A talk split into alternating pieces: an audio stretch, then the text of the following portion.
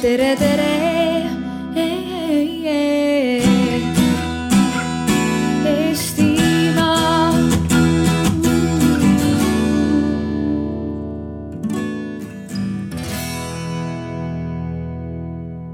Tere, kell on saanud neliteist null null ja me oleme viiskümmend üks sekundit ajast üle läinud. viimane aeg on alustada siis siin energiapöörde alal järgmist äh, arutelu.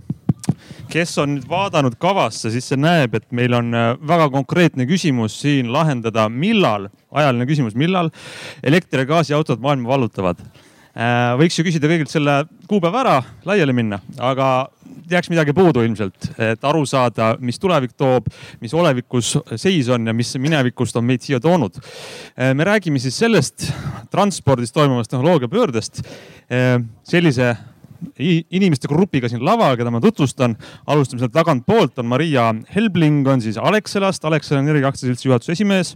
tema kõrval Ahto Oja Eesti Biogaasi Assotsiatsioonist, siis on Taavo Randna Elektrilevist, juhatuse liige ja Raul Potissepp Elektritranspordi OÜ-st. mina olen Hans Lõugas Geeniuse portaalist, ajakirjanik, kes ma neid teemasid ka kajastan ja tunnen väga huvi. enne kui ma maha istun, tahan öelda kõigile teile, kes siia tulite, et autosid võib vaadata, autod on need, mis on siis, peaksid tulevikku meile kuulutama.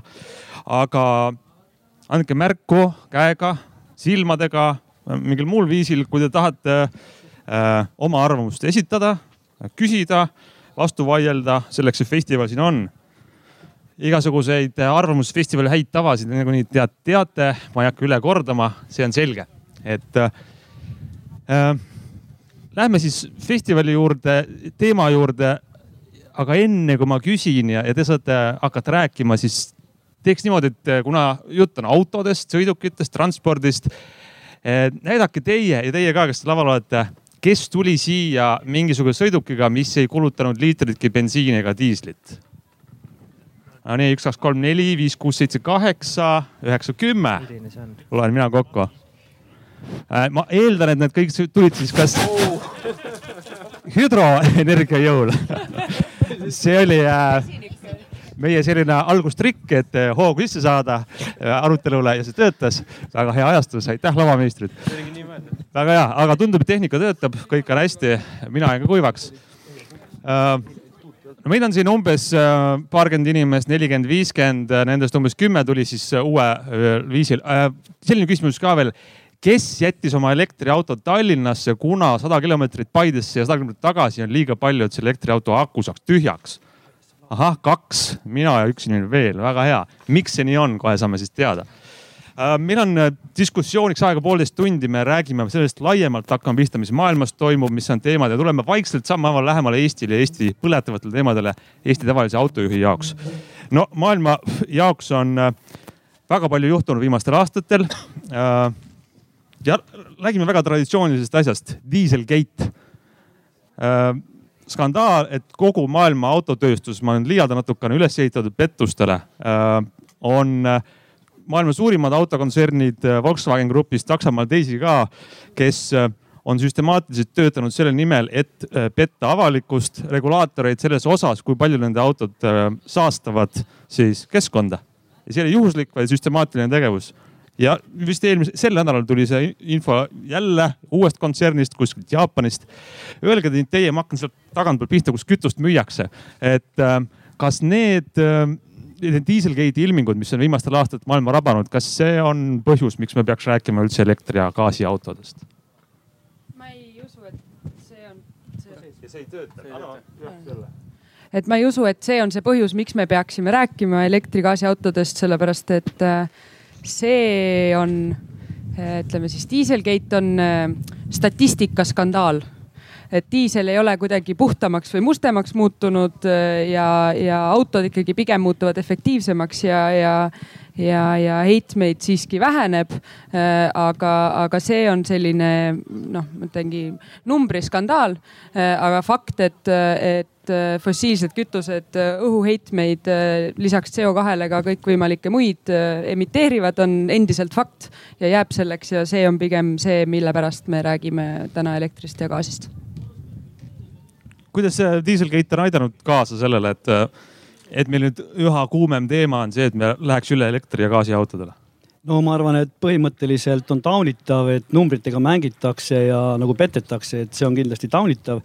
Aga ma arvan ka, et äh, taastuvkütuste kasutamiselevõtt transpordis on pigem maailmavaate ja puhtama keskkonna küsimus, et eks ta natuke ainult mainekujundusele kaasa ja kahjustab diiselkütuste mainet. aga olulisem on tegelikult just täpselt seesama faktiline saaste diiselkütustest ja tegelikult taastuvkütused tagavad meile ju puhtama linnaõhu, pikema eluea ja näiteks Rootsis on kaheteistkümnes linnas äh, selle linna biojäätmetest tehtud biometaaniga sõidavad kõik äh, selle linna bussid. et see võiks olla nagu näide positiivse poole pealt, kuhu võiks ka Eesti liikuda, on juba liikuma hakanud, aitäh. mis teised arvavad, kas need äh, äh konkreetsed näited, kohtusse jõudnud korruptsiooniskandaalid, pettused, on need nagu õõnestanud seda usaldust traditsioonilise auto ja autotööstuse suhtes? Mida, mida, jah, palun, Raul. jah, et äh, minu arust Dieselgate näitas äh, selle ära, et äh, üha karmistuvad keskkonna siis seaduste siis nii-öelda järjest tulekul on, on diiselmootor kui selline, teda on päris kaua arendatud. üheksateistkümnendal sajandil oli e-, esimene, esimene diiselmootor, mis minu teada muide töötas biodiislil pärast tuli siis fossiilne diisel, aga ühesõnaga see näitab selle ära, et see diiselmootori äh, autotööstustele on mõttekam äh, rahaliselt siis äh, petta äh,, kui siis äh, seda diiselmootorit veelgi efektiivsemalt edasi arendada. ehk siis noh, ma arvan, et me näeme ära äh, üsna varsti, et diiselmootor kui selline äh, kaob ära just äh, jah, nende kangemate keskkonnaseaduste tõttu. kas sa, kas sa ütled seda, et diiselmootor on valmis? Sisepõlemismootorid, noh, looga, noh, diisli näol, et see on valmis, pole kuhugi minna tegelikult edasi väga, et need võidud on nii väiksed või? Ma seda võib-olla ei julgeks öelda, et ta päris nii-öelda valmis on. No võib-olla leidub mõni, mõni ettevõte, kes paneb sinna miljardid ja miljardid sisse ja leiab tänu sellele veel, veelgi nagu kohti, kus efektiivseks muutuda. aga, aga see kuluefektiivne diisliarendus, võib-olla see faas hakkab läbi saama Taavi Randa ka, kas, mis, kui me räägime autotööstuse kogu sellest pettustest, mis seisukoht on, kas see on kuidagi mõjutanud või see läheb mööda, ununeb ja? mulle tundub, et see Dieselgate noh näitab seda tegelikult, et äh, turg ootab nii-öelda CO2 vaba transporti ja, ja, ja noh, ma ei tea, kliendina tulles siia ma säästsin, ma arvan, kuskil kaheksa eurot äh, selle, selle eest, et ma nii-öelda sõitsin elektri peal, mitte diisli peal ja ma arvan, et see on selline selline trend ja turg, turusuund tegelikult, kuhu, kuhu autotööstus liigub ja, ja eks need lahendused on, ma arvan, täna juba, juba ukse taga. ja mul oli lihtsalt lühike repliit, et tegelikult ju pole niivõrd küsimus mootoris, kuivõrd ikkagi kütuses, mida see mootor kasutab, et tegelikult ka ju gaasiga sõites me sõidame seni veel sisepõlemismootoriga olgu äh,, räägime veel korra need kauged maailma teemad ära, et saaks nagu konteksti, et miks me siin Eestis järsku need teemad sellised on. kes oskab meile kõige parem selgeks teha, et mis maailmas toimub? kõiksugu suured riigid äh, teevad kokkulepped omavahel, et kliimat tuleb säästa, me peame olema energia suhtes tõhusamad äh,. kes teist oskab kõige paremini selgitada, et ähm, kuidas see siis meie elu ja seda, millise auto me saame poest endale valida ja millise peaks valima, kuidas see meid mõjutab, need äh, Pariisis ja mujal toimuvad kliimakokkulepped? Ta mõjutab nii, et me ikkagi saame selle puhtama keskkonna, et mina ei tahaks äh, kasutada alternatiivseid kütuseid mitte sellepärast, et see on Euroopa Liidu kohustus, et transpordis kümme protsenti peaks pärinema taastuvatest allikatest kütused, vaid ikkagi see positiivne pool, et äh, selle taastuvkütuseid kasutades meie keskkond on puhtam ja see on väärtus, mis annab meile parema tervise. et see on nagu tähtis minu arust äh, kahekümne esimesel sajandil üks äh, põletavamaid teemasid kogu inimkonna jaoks on äh, kliimamuutused. siin vara lahkunud Stephen Hawking ütles seda, et kui me kliimamuutuseid ei suuda inimkonnana nii-öelda hallata või, või siis kuidas öelda, seda, seda kliima soojenemist piirata, siis kõige hullemal juhul muutub meie planeet selliseks, nagu on meie kõrvalplaneet Veenus seda muidugi mitte, mitte meie elueal ja mitte järgmiste aastasadade jooksul, aga, aga see on see nii-öelda see lõpp, lõpp-pilt, kus me, kus me võime jõuda. Ja minu arust nagu see, et me jah, transpordis äh, CO2 vabale äh, siis tra transpordiviisile lähme ja tehnoloogiatele lähme, see on nagu A ja O ja noh, kui me vaatame Eestisse ka, siis Eestis meil on taastuvenergia osakaal elektrisektoris on seal, noh, ta ei ole kiita põlevkivi tõttu, ta on seal viieteist ja kahekümne vahel. soojusmajanduses meil on vist isegi üle viiekümne protsendi toot-, toodetakse soojust siis taastuvatest allikatest, siis transpordis on praegu null koma kaks protsenti, et see on päris häbiväärne ja noh, ma tooksin selle maailma võib-olla kokku iseendasse, et inimene kui maailm ja tegelikult äh, see valik, kas me, kuhu kliima liigub, sõltub igastest meist endast. Ja oma valikutega, mis on väärtusküsimus, et me saame oma valikutega seda kliimat kas siis muuta soojemaks, jätta samadaks või jätta jahedamaks, et see on nagu minu jaoks oluline, et see kauge kokkulepe ei ole meist kaugel, vaid tegelikult see kokkuleppe teostus on igaühe meie endi sees, meie enda valikute näol. mis kütust me valime, millega sõidame kõlab väga hea kui juhtmõte. ma ühe asja veel selle kokkuleppe osas jah, et, et võib-olla inimese tasandil noh, mingi Pariisi kliimakokkulepe on niisugune noh, abstraktne mõiste, et see tõesti nüüd mind ei pane valima ühte või teist kütust äh, kodus. aga, aga mida sellised kokkulepped kindlasti annavad, on needsamad äh, traditsioonilised autotootjad, kelle vastu meil siis nüüd diiselgate'i tõttu võiks usaldus kaduda. teistmoodi, ega me ilma nendeta ei jõua nende elektri ja gaasi ja muude kütusteni, sellepärast et lõpuks äh, tavatarbija läheb sellesse samasse autopoodi, kuhu ta on harjunud minema ja otsib sealt siis lihtsalt teistsugust valikut ja selle teise valiku peab talle pakkuma see, seesama, seesama sama automüüjad? võib-olla oma kogemusest tooks, tooks võib-olla selle näite, et ega see väliskeskkonna ja noh, selline poliitiline kokkulepe siis Pariisis kaks tuhat kuusteist eks ta tegelikult ju noh, väga palju hakkab muutma tegelikult seda väliskeskkonda ja, ja nii energiasektorit, nii, nii teisi sektoreid. ja, ja näiteks kui Eestis on täna äh, üheksateist megavatti juba päikesepaneele nii-öelda katustele liitunud just äh, nii-öelda sellise väliskeskkonna äh, toel. Ja hetkel on nii-öelda Eestis kuskil kolmkümmend megavatti päikesepaneele nii-öelda siis kohe-kohe valmimas, nii et, et see näitab jällegi seda, et, et nii-öelda taastuv ja nii-öelda roheline mõtteviis saab, saab tegelikult alguse ka elektri tootmisest, nii et, et see on, see on, ma arvan, sellise nii-öelda üldise kliima, kliimakaitse nii-öelda poliitika tegelikult tulemus see on muide väga huvitav ja tähtis teema, et kui me räägime elektrisõidukitest ja siis sellega seoses räägime keskkonnast, siis me ei saa ju mööda minna, et kust see elekter pärineb, on ju, see on võib-olla kõige tähtsam seal. aga korraks veel äh, teha ring peale selle, mis maailmas toimub. no vaielge vastu või nõustuge minuga, mis te ütlete, et need kauged äh, kokkulepped, poliitikud kohtuvad Pariisis, Kopenhaagenis, arutavad, lepivad kokku midagi, need jõuavad meieni, tavaliste inimesteni siis, kui näiteks noh Euroopaski mõni linn ütleb, et teate, et diiselmootoreid enam ei luba siia, et, et ikka see päriselt tavalisele autojuhile pannakse keeld peale ja piirang. kas teie usute, et keelud ja piirangud on see viis, kuidas me neid asju saame kõige paremini siis edasi viia?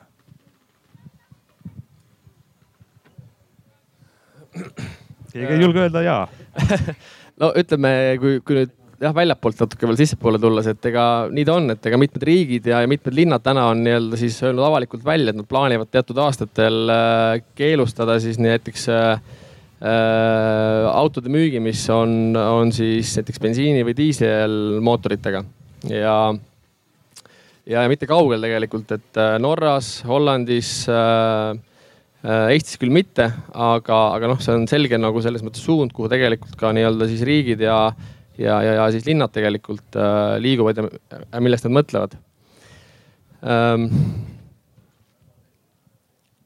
kas, kas nüüd küsimus, et noh, kas keelud äh, aitavad, noh, ma arvan, et iga selline muutus vajab teatud nagu impulssi ja, ja ma arvan, selline nii-öelda üldine nii-öelda siis Euroopa või nii-öelda riiklik poliitika tegelikult aitab seda nii-öelda muutust ellu kutsuda, ellu nii-öelda suunata, et, et hiljem tegelikult turg paneb asja paika kaks repliiki, Ahto ja siis üks publikust. ja ma ei ole ka põhimõtteliselt käskude-keeldude pooldaja, aga ma arvan, et mõnikord võib-olla see avalik hüve või ühiskondlik kasu, mis näiteks kesklinnades diisel või fossiilsete kütustega sõitvad sõidukid keelustab, äh, võiks olla alustuseks päris hea, sest äh, ühest küljest vägisi õnnelikuks ei tee, aga toome näite suitsetamisest kümme aastat tagasi keegi oleks uskunud, et suitsetamine avalikus kohas keelatud, täna on see juba tavapraktika ja see ei ole väga pikk aeg.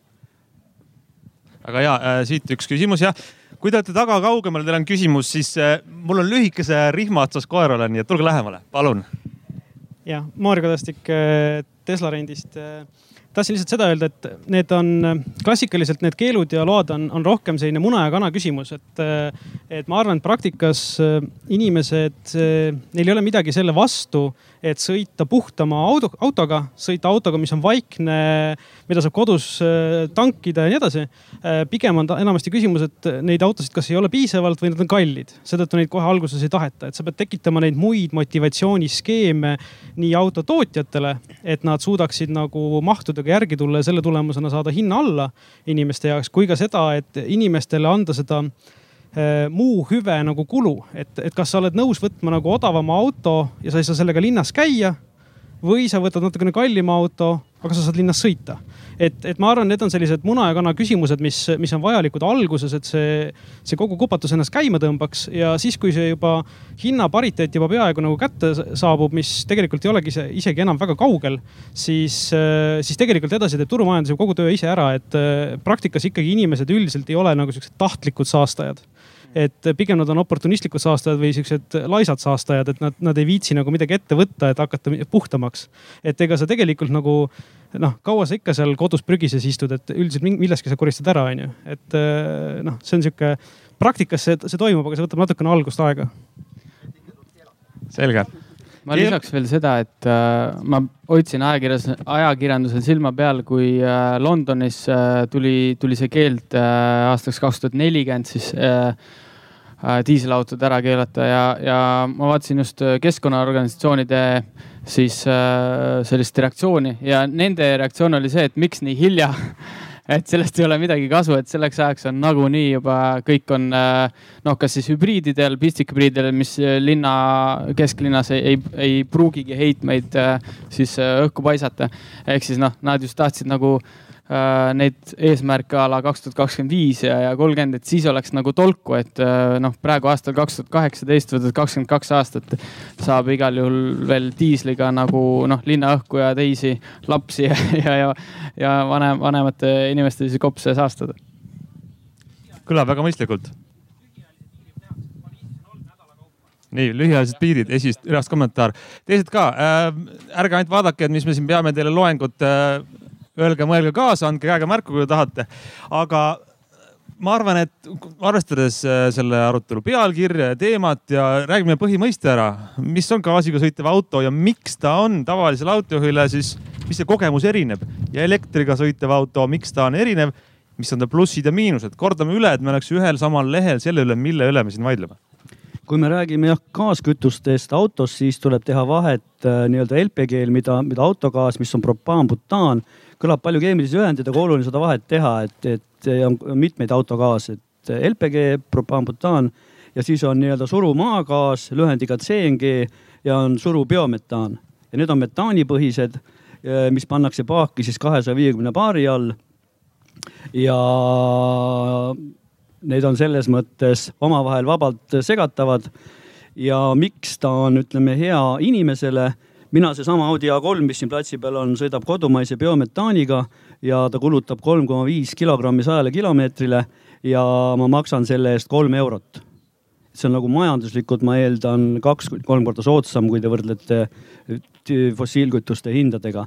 lisaks tulevad siis need keskkonnahüved, et ta on puhtam ja, ja, ja, ja parem Ko. korda üle publikule, miks ta on puhtam, parem, mis juhtub, kui see gaas ära põleb, kas sealt ei tule äh, samu asju välja, mis tuleb bensiini, diislit? Äh, võrreldes bensiini ja diisliga ei tule sealt peaaegu üldse tahkeid osakesi, mis on tegelikult kõige suurem terviserisk inimese tervisele linnaõhus ehk tahkesosakesed praktiliselt puuduvad gaasilistes kütustes. seal on kakskümmend protsenti vähem süsihappegaasi, kuuskümmend protsenti vähem lämmastikuühendeid, kõiki ühendeid on vähem, sest gaas tegelikult on puhtam, tal ei ole vedelik, seal ei ole muid osasid sees. ja, ja nüüd, kui ma mõtlen, et kumba auto ma siis ostan, sa ütlesid juba, et mootor on põhimõtteliselt sama, mis nendel bensiini ja diisliautodel jah, tuleb ainult teine paak panna, kust gaas on sees. absoluutselt, minul on kahesüsteem, mul on viisteist kilo gaasi läheb sisse, sellega ma sõidan läbi nelisada kilomeetrit keskmiselt. mul on viiekümne liitrine bensiinipaak, millega ma sõidan läbi kaheksasada kilomeetrit. põhimõtteliselt summaarne läbisõit on tuhat kakssada kilomeetrit ja vahetab automaatselt ümber.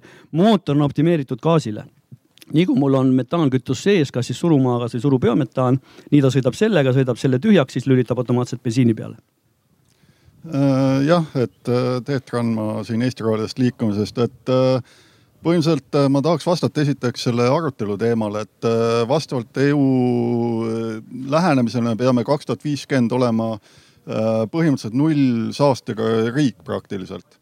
ja tõenäoliselt neid eesmärke soovitakse karmistada ja, ja selles kontekstis on elektritransport on praktiliselt ainuvõimalik üleminekutehnoloogiaga küll see biometaan on väga noh, nii-öelda odavalt saame seda kasutusele võtta aga siin juba suhteliselt lühikeses perspektiivis tekib nagu ikkagi küsimus, et kust me seda materjali, biomaterjali saame, et, et seda kütust toota sest kui meil nagu praegult on nagu see, et me võtsime selle biolisandid kasutusele ja siis nagu tänu sellele mujal tehakse palmiistandusi ja, ja džunglid hävivad, siis nagu see on lihtsalt meie oma probleemide ja oma mugavuse Äh, lükkamine kellegi teise kaela, kes, kes kannab sellest äh, kaotust, et me peame ikkagi väga täpselt nagu just selle biomassi päritolu tuvastama ja olema kindel, et see ei hävita keskkonda.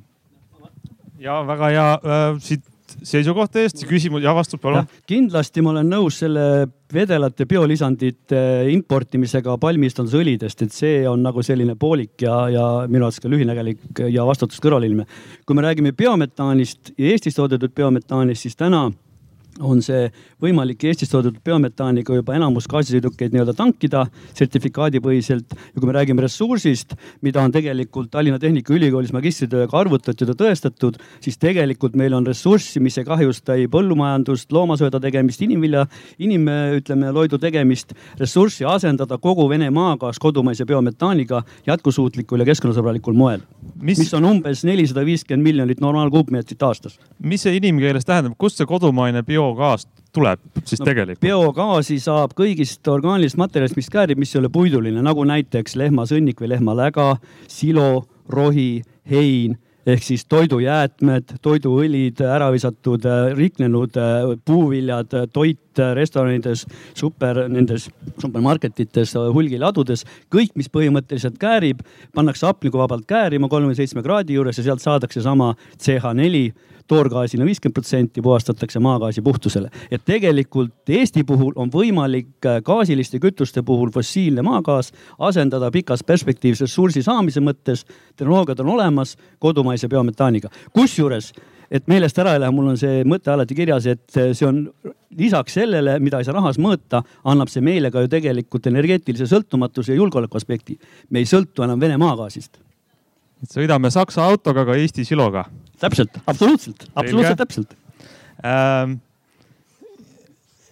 gaasiauto, tulen tagasi autojuhi perspektiivi, ühesõnaga samasugune auto ähm,, aga kilomeetri hind on ikka palju odavam. olgu, miks meil ei ole neid rohkem, oma küsimus, aga jõuame sinna järgmisena, räägime üle elektriauto siis põhitõed. see on nagu mobiiltelefon, aku on sees, peab laadima, jah? ja elektriauto, mina ütleksin äh, võite mulle vastu vaielda, ma ütleks, et elektriauto on, on revolutsioon, gaasiauto on evolutsioon. Äh, gaasiauto ongi, ta on juba tänane sisepõlemismootori tehnoloogia. Äh, elektriautod on, teevad siin, ma ütleks suures pildis esimesi samme. Äh, miks, miks, miks mina nendega tegelen, on see, et elektriautod on, nende ülesehitus on väga palju lihtsam, seal on äh, liikuvaid osasid on äh, palju vähem kui, kui sisepõlemismootoris, mis tähendab, et hoolduskulud on madalamad ja, ja kui siin äh, biometaani või maagaasiga saab siis sõita sada kilti kuskil jah, mingi kolm kuni ma ei tea, viis eurot, siis elektriga saab sõita, elektriautoga saab sõita sada kilomeetrit null koma kuus kuni kaks koma viis eurot, sõltub kus sa laed ja millal sa laed et, äh, et see, see, äh, see kilomeetri äh, läbimise hind on nagu veelgi, veelgi, veelgi odavam ja jah, noh, praegu ongi väga paljud räägivad sellest, et elektriautod on väga kallid, siis tõsi, nad on Nad on kallimad, kui nad on uued, kasutatud elektriautod hakkavad juba noh, jõudma, sõltub muidugi müüjast konkreetsest, aga, aga, aga nad on nagu palju konkurentsi äh,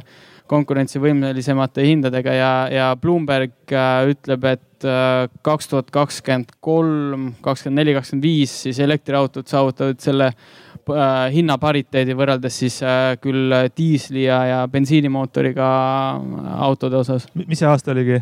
kaks tuhat kakskümmend kolm kuni kaks tuhat kakskümmend viis. viis aastat, jätan meelde aga, aga minu arust äh, automüüjad võiksid äh, müüa elektriautosid teistmoodi, mitte nii, et nii nagu sa müüd tavalist autot, aga, aga pigem rohkem rõhuda sellele total cost of ownership ehk siis auto omamise üldkulud.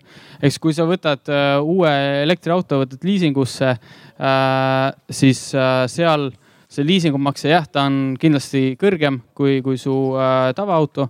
aga, aga kui sa vaatad äh, seda säästu kütuse pealt, siis, siis see nagu jällegi sõltub väga palju, kui palju sa sõidad äh,.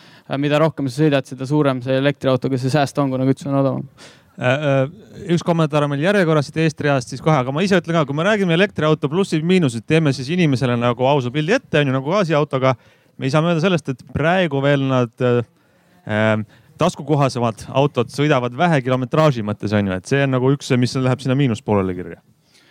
ja äh, ma ise liigun suht tihti äh, Nissan Leafiga, millel on kolmkümmend kilovatt-tundi aku ja sellega suht tihti käime Võrus näiteks ja, ja Võrru ja tagasi, siis äh, kogu kütuse peale läheb kuskil neli-viis eurot edasi-tagasi ja, ja vahepeal peab äh, Põltsamaal, me oleme teinud siukse laadimispausi mingisugune kakskümmend minutit suvisel ajal. tõsi, talvel jah, kui sa ei taha just külmetada autos, siis on, siis on vaja kuskil Tartus veel üks paus teha, nii et suvel kuskil kakskümmend, kakskümmend viis minti laadimispaus, talvel ilmselt nelikümmend minti laadimispaus. okei okay,, eeldab autojuhilt hoiakutes muutusi, et sa pead pausi tegema, arvestama äh,. Enne... aga jah, see, see on nagu kaks tuhat kuusteist aasta elektriautod, need, need, mis siin kõik on äh, vasakul pool äh, näha äh, teie paremal pool, siis need on kõik juba suuremate akudega ja suuremate läbisõitudega. et ma ütlen, see akude tehnoloogia areneb nagu noh, tundidega äh,. väga hea, enne kui kommentaariks arutame teemasid edasi, teeks korra küsitluse, kas keegi kes ei oma ei elektri ega gaasiautot äh,, julgeks teistele jaoks rääkida, on ta kaalunud nende ostmist ja, ja miks ta on ära öelnud nendest või mis on see pidur olnud või mis, mis tema näeb, et mis see on? et me saaks nagu korraks pildi ette. sina sõidad elektriautoga, sa näitasid, sa ei loe elektrirolleriga, no okei okay,, kuna keegi teine ei taha, siis äh,, aga kes tahab, andke aega märku äh,.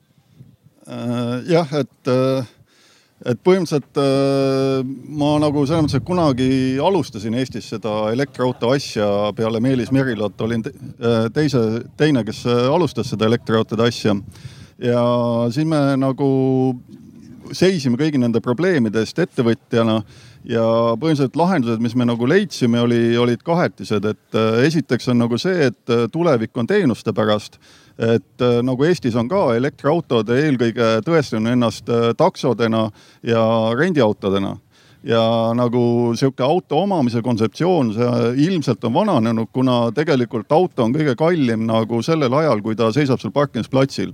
sest kuni sa seda kasutad, see on võib-olla poolteist, kaks tundi päevas, aga ülejäänud aeg ta läheb kogu aeg vaikselt odavamaks ja, ja teine, mis me oleme nagu leidnud, on nagu see, et võimalik, et isegi ühiskasutuse puhul, kui me vaatame nii-öelda eetilises plaanis, et, et kui me näeme neid keskkonnaprobleeme, et kas, kas auto üldse on tehnoloogiana jätkusuutlik ja, ja siis me nagu ikkagi leidsime, et, et tõenäoliselt on pigem nagu tulevik kergsõidukite päralt.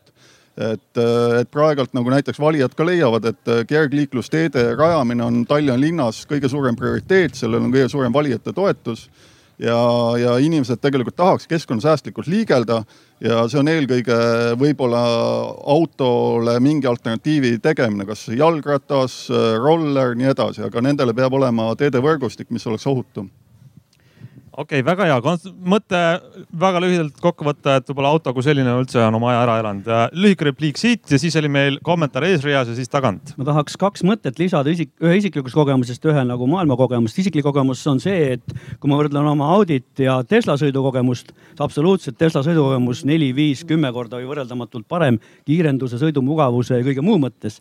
aga kahjuks Tesla on neli-viis korda kallim kui minu Audi. see oli isiklik kogemus. teine kogemus on sellest, et sõiduautode puhul ma olen täitsa nõus eriti rendiautod, väga hea rongiga linna, rendi elektriautoga edasi. aga mis on tänane oluline erinevus elektri ja metaansõidukite puhul, on ikkagi raskeveokid raskeveokeid täna elektriga minu alt arendatakse, me nägime pilti, et kuskil Tesla arendab, aga praktiliselt tehases ei tehta.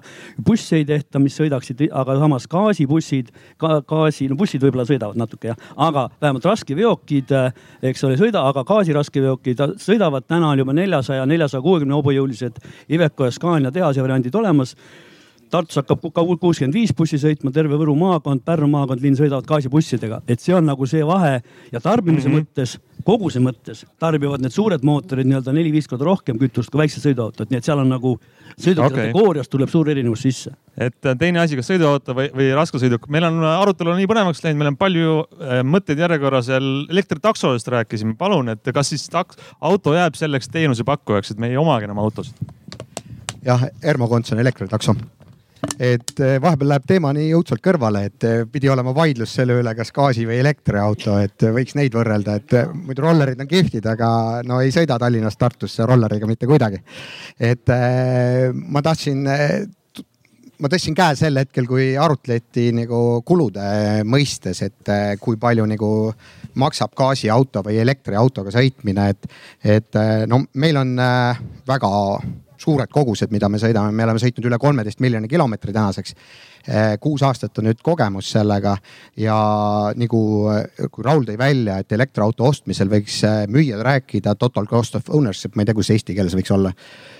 Kogu kulu, et no mis su kilomeetrile raha kulub või ja, ja kui sa võrdled neid, siis elektriautodega toob sisse täiesti uusi vaatenurka, mida, mida nagu ei oskagi ilma kogemuseta ette ennustada et äh, kui teil on tavaline sisepõlemisauto, siis teil on äh, kuludena juhtub selle mootoriga igasuguseid asju, et seal ütleb generaator üles, sise või mingi pump ütleb kuskil üles ja sa muudkui neid vahetad. siis elektriauto on näidanud midagi sellist, et äh, sa sõidad sellega sadu tuhandeid kilomeetreid niimoodi maha, et sul ei ole mootoris, akus, inverteris mitte ühtegi tõrget. meil on kolmteist miljonit kilomeetrit Nissan Leafidega ilma igasuguste tõrgeteta nagu selle selles osas, mis nagu sisepõlemismootoris katki läheb. Ja see toob selle kulu nagu gaasiautoga võrreldes äh, nagu täiesti alla, et kuna meie elekter on mingi saja kilomeetri kohta mingi kaks euri circa tuleb.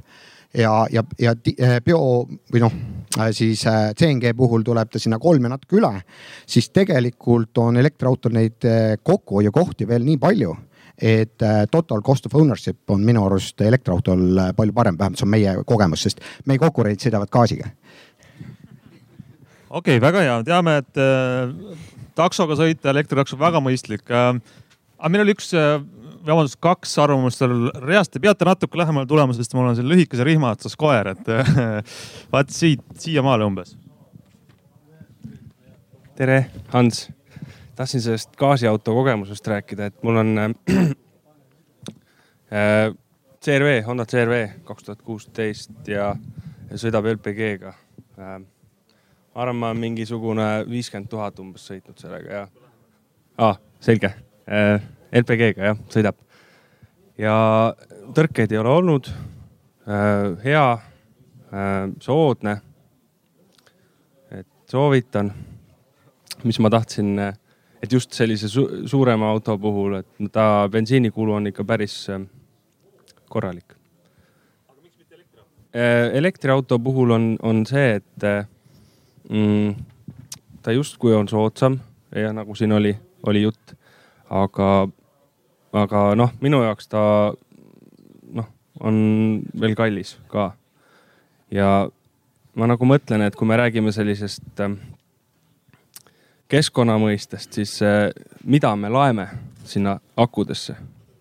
see on põlevkivist tehtud elekter, et selles mõttes, et äh, jah, et meil on, äh, aga see, ütleme, kui me võtame siin selle, meil toodetakse circa mingi viisteist, kuusteist protsenti on see taastuvenergia kuu lõikes, ütleme et siis ülejäänud nagu jah, et see liigub üle piiride, see elekter liigub, eks ole, aga meie oma mis meil, mis me siin täna Eestis teeme, on ikkagi suht saastav nagu. Äh, ja, ja, ja kolmas mõte, mis mul oli, oli, oli see, et äh, millest väga palju, ma arvan, Eestis ei ole üldse räägitud, on, äh, on see, et on ka olemas tegelikult nagu kolmas variant ehk siis nagu vesinik. et. ma sekkun, sekkun, kui tohib. vesinik, väga hea teema, me otsustasime, et jätame vesiniku teema praegu kõrvale kuigi seal on väga palju plusse-miinuseid, sellepärast et äh, Eestis ei ole reaalselt vesinikuautot turul müügil ja ka kohta, kus tankida. ja kui me räägime tuleviku teemat, siis see on ülitähtis, aga siin oleks vaja meil poolteist tundi veel. aga ma, ma selles mõttes sekkun, muidu ma austan, et arvestame arvamust. Algi, palun. Äh, lihtsalt selle vesiniku selles mõttes, selle infrat, sellest ma praegu üldse ei räägi, ma lihtsalt mõtlesin, et selle idee oli see, et, et ta ei vaja sellist suurt äh, metalli, haruldaste metallide sellist kärakat, seda akut. tal on kütuseelement ja, ja, ja, ja milline hea selline hoiustamisviis on äh, vesinik.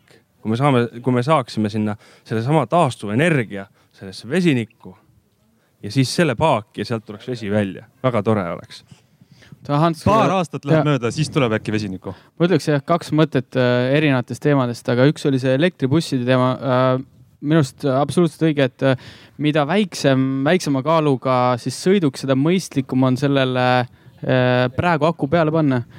mida rohkem ta kaalub, seda, seda keerulisem see hetkel on. aga elektribusside kohta Äh, käisime Oslos konverentsil äh, aasta alguses, seal äh, norrakad rääkisid, kuidas nad ostsid endale esimesed seitseteist elektribussi. ja siis kõik, terve saal plaksutas, et oo, et noh, väga vinge saavutus. ja siis järgmine kord, järgmine esineja tuli Hiinast ja siis ütles, et äh, nemad äh, siis panid endale just äsja tänavatele seitseteist tuhat elektribussi. ja siis siis äh, jah, terve saal plaksutas äh, jah, ahastuses või ühesõnaga.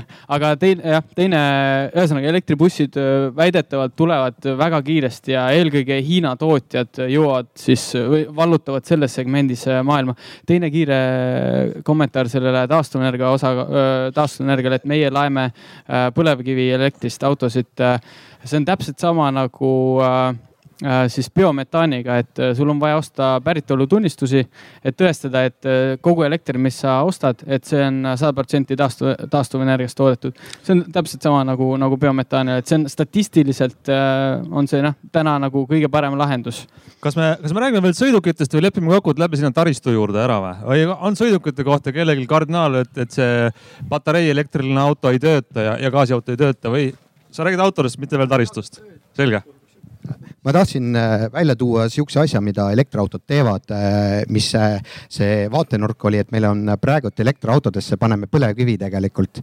Äh, see on väga hea argument, kui me ikkagi põlevkivist elektrit toodame, siis ei ole see puhas aga ma tahtsin öelda seda, et elektriautode tulek toob äh, muutuse selles maailmas, sest taastuvenergeetika vajab väga salvestusseadmeid ja taastuvenergeetikas on väga raske midagi tõsist ära teha, sellepärast et äh, salvestusseadmed on väga kallid. et praegult elektriautode areng toob kaks aspekti, esiteks ta toob kohe selle äh, taastuva akutehnoloogia tänu autodele odavamaks, aga ta teeb midagi sellist, mida meie teeme praegu oma firmas. meil on praegu käimas Euroopa Liidu projekt, mille raames me kasutame vana Nissan Leafi akusid akusid ja me paneme püsti viiekümne kilovatise päikseelektrijaama ja sealt paneme selle päikse oma vanadesse akudesse, mitte võrku ja laeme sealt omale autodesse. see tähendab, et me väärindame ära oma päikseelektrit, muidu ma saaks võrgustajast väga vähe raha, aga kui ma panen akudesse otse, siis ma hoian väga-väga palju kokku. ma tahtsingi öelda, et seda, et kui me läheme üle gaasiautodele, siis me teeme nagu poole sammu, et me saame biogaasi kasutada. aga kui me läheme üle elektriautodele, siis eh, need kasutatud akud toovad muutuse ka taastusenergeetika tootmisse äh,. väga hea näide, aga ma tahan anda ühe repliigi veel ja siis ma tahan teada, mida arvab sellest kütusemüüja ja mida arvab see äh, ettevõte, kes meile elektri on toonud seni, et kui me hakkame seda hoopis öösel laadima kogu aeg, aga repliik. Sander Elektritransport OÜ-st et ma tooks veel äh, ühe aspekti sisse, mis äh, võib olla minu meelest isegi olulisem kui kogu see kogukulu teema ja, ja kõik sinna juurde kuulub. et äh, elektriautoga on lihtsalt nii palju ägedam sõita, et ma soovitan kõigil teil, kes te ei ole veel proovinud seda, et te seda, ma ei tea, lähete proovisõidule või võtate Elmo-rendist või mis iganes, et proovige ära, et see on see, mis, mis tegelikult autoostjaid huvitab, et kui äge temaga sõita on, sest auto tahame seda või mitte, on ikkagi enamasti väga emotsionaalne ost aitäh. aitäh, see oli väga vajalik kommentaar, sest et tegelikku elu me ju ei ela Exceli tabeli järgi, vaid ikkagi emotsioonidega onju. aga räägime teie, kes pole kaua sõna saanud ähm,. kütus. Alexela müüb gaasi ka nüüd väga usinalt ja ehitab gaasitankleid onju. kõiki asju. Äh, mis siis nüüd te, teie poolt vaadates on, kas ikkagi gaasiautod on see evolutsioon? Äh, me hakkame ikka Eestis selle peale rohkem üle minema taristut ei ehitata selleks. aga see elektriautod, et need ei tulegi või, need jäävad selliseks lahedaks? alustame sellest, et me oleme kütusemüüja gaas on kütus, elekter on kütus, bensiin on kütus. meie asi on, et kui tuleb klient, kellel on auto, mis tarbib mingit kütust, see on olemas, ta saab meie käest seda mis puudutab auto valikut lihtsalt ühe repliigina, et tõesti näiteks LPG näide on väga hea. see on väga popp Ameerika autode ostjate hulgas, sest ta toob kütusekulu mõistlikule tasemele. aga täpselt seesama lause, auto ost on emotsionaalne otsus. ja kui ma täitsa ausalt ütlen, siis Nissan Leaf ei tekita mus ühtegi emotsiooni. ja, ja kahjuks olen sõitnud ja ikka null, ikka null. ja i8 ja Model S-i peale kahjuks rahakott ei hakka noh. et, et selles mõttes see on, see on üliemotsionaalne emotsionaalne otsus ja, ja selle tõttu peab olema nagu muid alternatiive. ja ma arvan, et äh, täpselt viie aasta pärast, kui elektriautod on hinna mõttes tulnud sarnasele tasemele, mis täna on gaasi ja kütus või bensiiniautod, siis selle valiku tegemine on oluliselt lihtsam ähm, see, kuidas mina personaalselt näen selle kütuseturu arengut meie, meie väiksel koduturul ja, ja kuna mul on äh, au juhatada ühte küttanklavõrku, siis, siis selle tanklavõrku visioon üht, ühtib minu visiooniga. On, on see, et äh, tegelikult palju varem kui kakskümmend, viiskümmend me ilmselt sõidame vesiniku ja elektriga.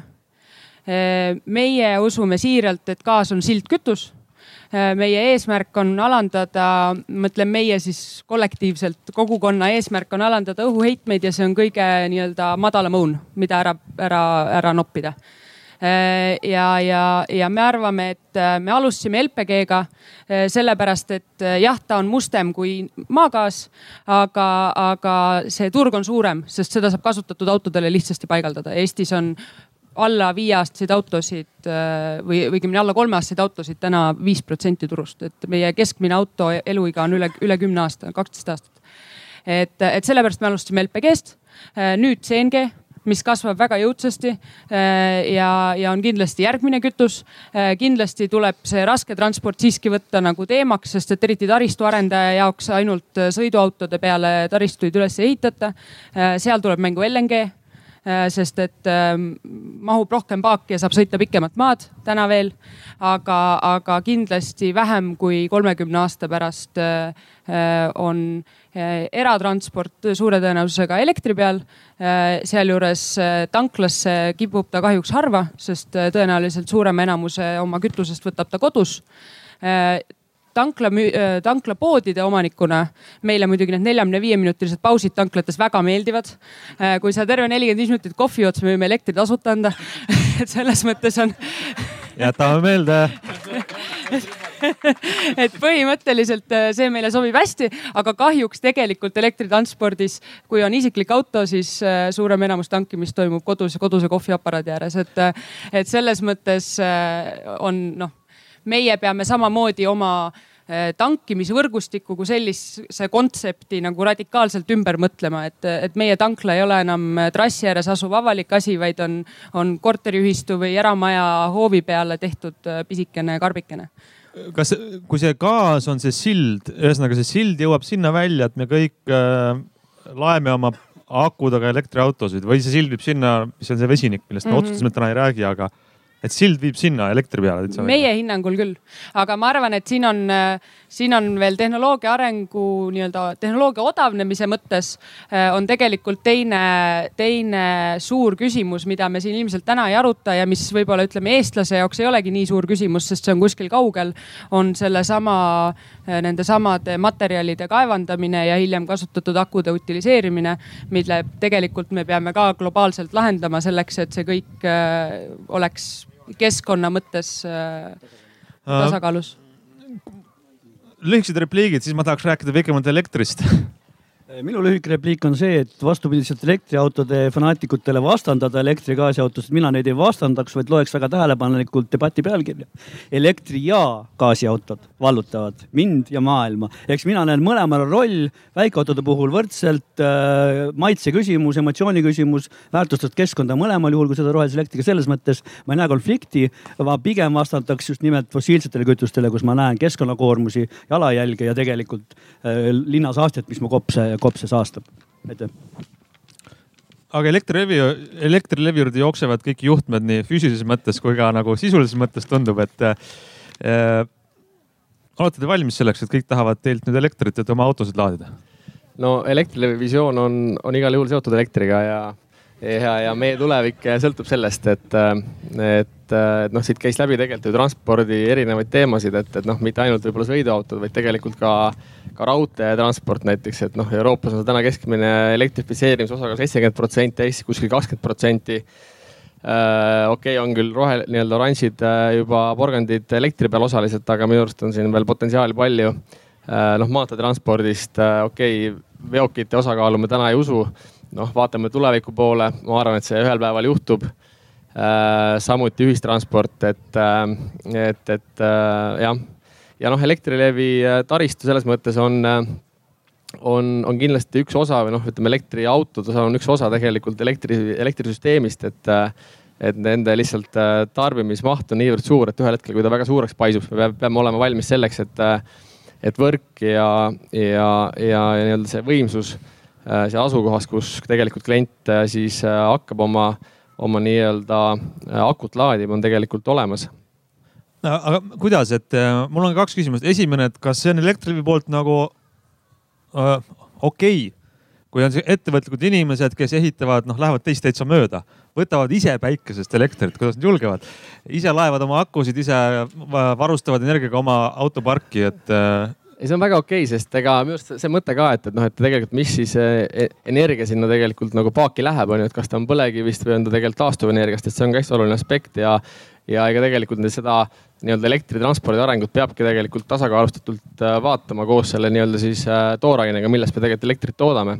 Ja tegelikult noh, trend on väga selgelt sinna, et, et taastuvenergia osakaal kasvab ja see loob ka tegelikult selle tunde, et sa tegelikult laed oma autot tegelikult nii-öelda rohelise või taastuvenergiaga laadimise juurest, no esimene selline äh, kont, mida sa igas, kas Foorumi vaidluses, äh, õhtul kõrtsis õlle kõrval räägitakse, alati jõuab sellele kohene jutt, et kui me paneks Eesti elektriautodele arvule siis ühe nulli juurde või kaks nulli ka, et, et no ega see elektrisüsteemi vastu ei pea, et kus see laetakse ja äh, kedagi vist paremat inimest ei ole, kes oskaks sellele äkki siis vastata, et mida see tähendaks elektrisüsteemile, kui elektriautosid tuleks ma suurusjärgu võrra rohkem Eestisse ja on see võimalik või ei ole? Mm, ütleme, kui meil täna on, äh, on Eesti, ütleme täna noh, sellisel päeval, nagu me siin oleme, see on kuskil seitsesada megavatti on keskmine Eesti nii-öelda siis koormus kogu tarbimises. noh, talvel ta on kuskil kaks korda suurem. nüüd, kui me vaatame võrgu, puhtalt nii-öelda võrgu aspektist, no siis tegelikult võrgu äh, potentsiaal ehk siis nii-öelda võrgu läbilaskevõime on kordades suurem. ehk äh, ehk me, kui me nii-öelda ehitame võrku, on nad siis alajaamad, kaablid, tegelikult me ehitame perspektiiviga ja me, ja me ei ehita seda nii-öelda siis tänase hetke nii-öelda maksimumi koormuse peale, vaid tegelikult tuleviku perspektiivi arvestades. ja, ja mis on ka, ütleme elektrisüsteemis oluline aspekt on tegelikult see, et koormus ajas on väga ebaühtlane et kui me mõtleme selle peale, et kui palju tegelikult on elektri tarbimine ja koormus äh, võrgus öösel kell kaksteist näiteks äh, kuni seal hommik, varahommik välja või, või, või siis, kui inimesed hommikul tööle lähevad või õhtul koju tulevad, siis ta tegelikult on oluliselt suurem. nii et, äh, et siin tegelikult peaks vaatama seda nii-öelda kogu elektritranspordi arengut ja tarbimiste kasvu koos, koos süsteemi nii-öelda siis total cost of ownership'iga ja otsima tegelikult neid loogilisi nii-öelda motivatsiooni võimalusi tegelikult ka selle nii-öelda siis laadimise hinnastamisel, et kui sa laed näiteks ajal, kui kui võrgu läbilaskevõime madalam, võib-olla on see siis soodsam. noh, öötariifiga elekter täna on, on, on üks selline nagu lihtsalt selline lihtne meede. aga kindlasti see nii-öelda see hinnastamine saab minna tulevikus dünaamilisemaks ja, ja sellega kindlasti peab nagu arvestama. tavalisele inimesele, kui tellite Taxify ja Uberi, on dünaamiline hinnastamine, siis noh, on loogiline, et selline asi jõuab ka elektrivõrku absoluutselt ja, ja noh, ja kui veel edasi mõelda, noh, tegelikult äh, noh, ma ei tea, elektriauto võiks mõelda, et on väike elektriske mobiilne elektrijaam, mis tegelikult äh, ju kannab endas äh, hulga kilovatt-tunde kaasas, et et, et kui sa näiteks lähed suvemajja tulevikus, kus võib-olla puudub elektriühendus, siis äh, võtad nii-öelda linnast elektri kaasa ja paned oma nii-öelda siis kohviaparaadi suvilas nii-öelda siis oma, oma, oma, oma auto aku külge.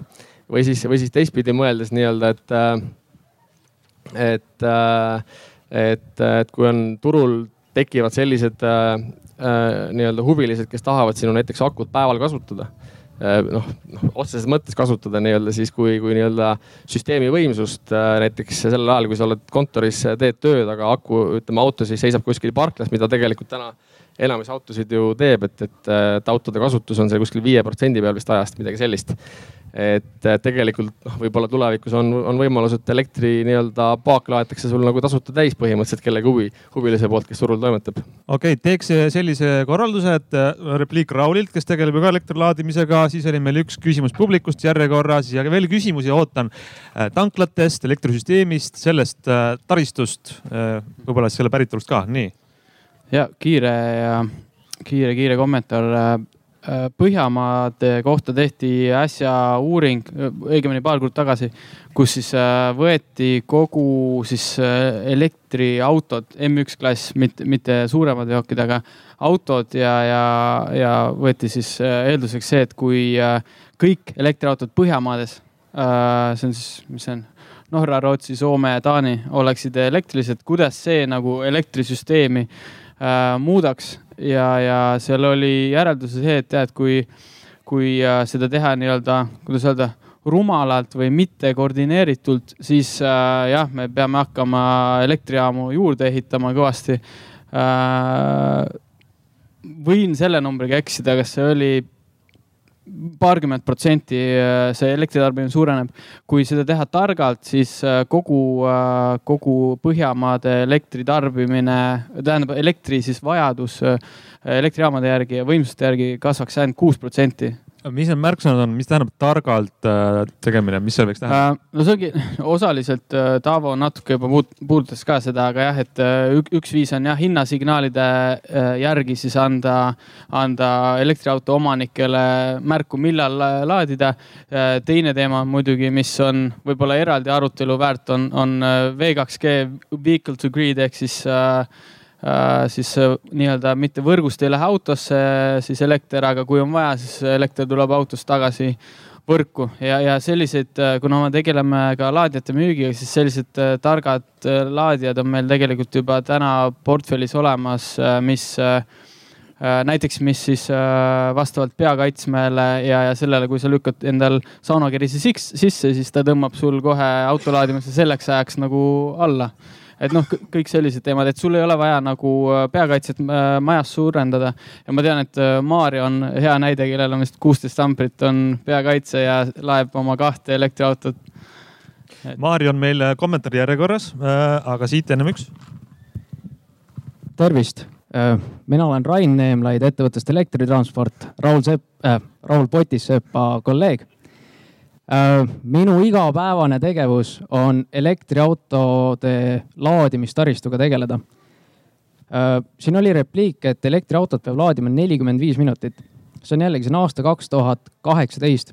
Äh, umbes poolteist kuud tagasi käisin ühes maailma suurimas elektriautode kiirlaadijate tootmistehases ja seal oli niimoodi, et ma ei suutnud oma silmaga päris hästi näha, et kui kaugele läheb nagu elektriauto kiirlaadijate rivi, mida transporditakse USA-sse see oli meeletu, iga sihuke laadimisseade maksab umbes sada tuhat eurot.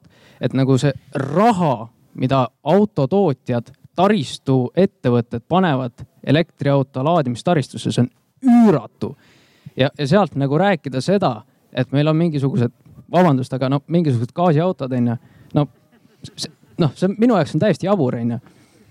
Ehm, teine punkt. Ehm, Raul, Raul mainis seda intelligentset laadimist. intelligentne laadimine tähendab seda, et laadija ise siis paneb auto laadima öösel, sellel hetkel, kui võrgukoormus on madal, onju, ja see info siis tuleb ilusti Elektrilevilt või siis Eleringilt. et see nagu ütleme, elektriauto kui selline ei ole ainult auto, vaid ta on ka osa nagu võrgust. ja rääkides tanklatest, te mainisite, et väga suur osa laadimisest läheb koju, see on tõsi. aga ma ei ennustaks teile nagu nii suurt, äh, ütleme, turuosa kaotust, sest et. me plaanime teid kodus ka laadida. aa, väga hea sest et needsamad kiirlaadijad, mis on siis äh, seitse korda võimsamad kui meie praegused laadijad, see tähendab seda, et sa laed viie minutiga, laed autosse umbes nelisada kilomeetrit sõiduulatust. see tähendab seda, et tankla on see, kuhu sa lähed ja viis minutit sa joodki seda kohvi ja siis sa paned edasi. nojah, selles suhtes, et mõni mees peab ju vetsu ka minema, onju. aga selles suhtes ma nagu ei ütleks, et tanklad kuskil ära kaovad, ma arvan, et see jääb väga oluliseks infra osaks. ja sellega ma oma repliigi lõpetaksin, aitäh väga hea, aitäh ja tegelikult väga hea argument, et, et kas on tanklaid kiirlaadimist vaja või teeme ainult aeglast laadimist, aga te peate lähemale tulema, ma olen siin piiratud äh, leviga. veel lähemale. Tere, Taavet, äh, tudeng. Äh, ei ole spetsialist, esiteks repliik, mis jäi natuke kripeldama, enne mainiti emotsiooni põhjal tehtud oste. ma tahan öelda, et kui me tahame heas maailmas elada, siis oleme ikka ratsionaalsed.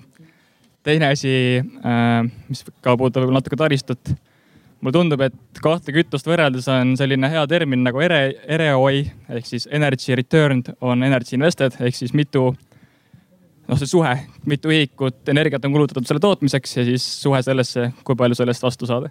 et, et ma ei tea, ma ei ole ekspert, võib-olla ongi hea kommentaare kuulata, aga talupoja mõistus ütleb, et elektriauto puhul see võiks olla siis noh, see elekter on kuskil toodetud elektrijaamas, siis on sul mingid ülekandekulud selles taristus ja siis ta lõpuks jõuab sinna tarbijani, mis on auto. gaasi puhul mulle tundub, et see gaas, see peab kuidagi tootma, see biomass peab kuskil kasvama, seda peab koguma, seda peab transportima, seda peab tootma, seda peab lõpuks äh, levitama ja hoiustama ja kogu see võtab ka ju tegelikult energiat, mis on kuskil toodetud.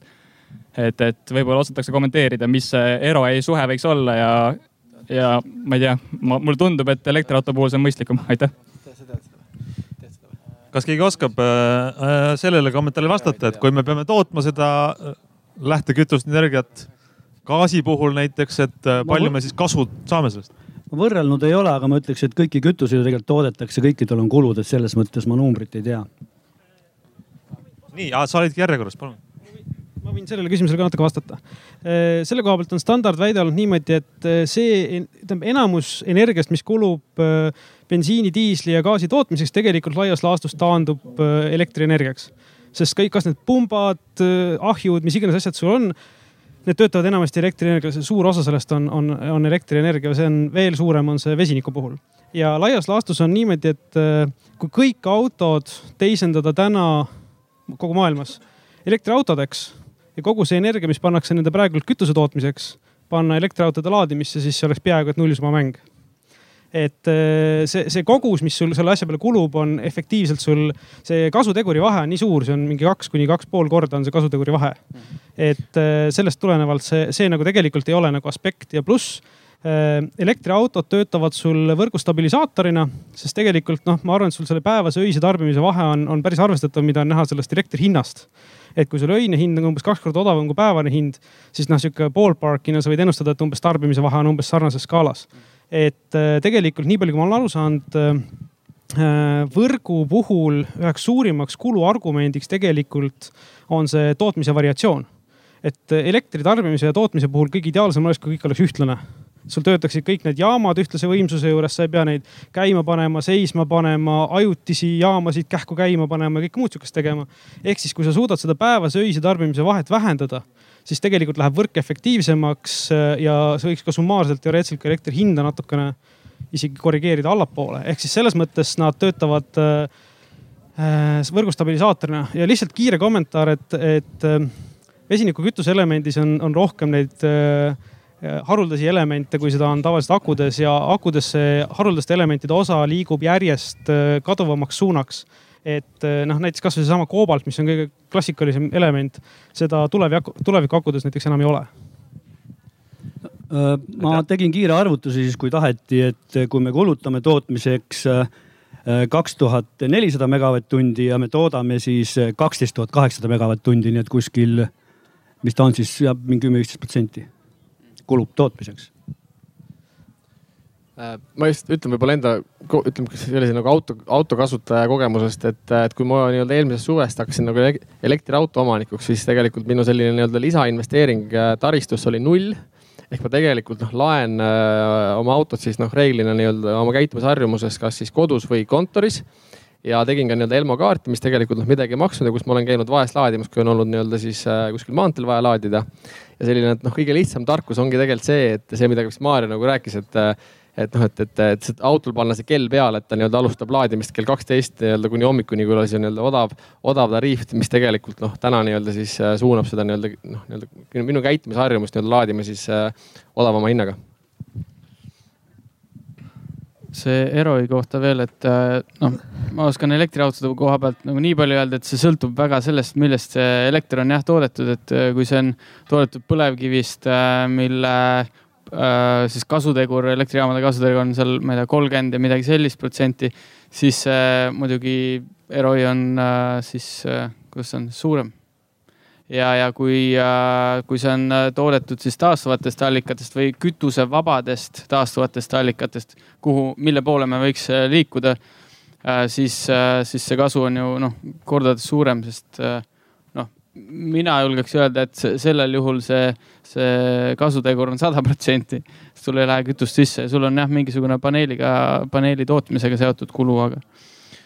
okei okay, äh,, ma, mulle tundub, et võiks avada ühe laeka äkki ühe, ma ei tea, kas see on Pandora laegas, võib-olla ei ole uh,. ma tahaks seal gaasitaristust ka paar sõna. gaasitaristu, jaa, täpselt, räägime gaasitaristust ka enne, kui ma selle laeka et äh, gaasitaristu puhul isiklik mälu ulatub aastasse kaks tuhat üheksa, kui avati esimene siis nii-öelda surumetaangkütuse tankla Tallinnas.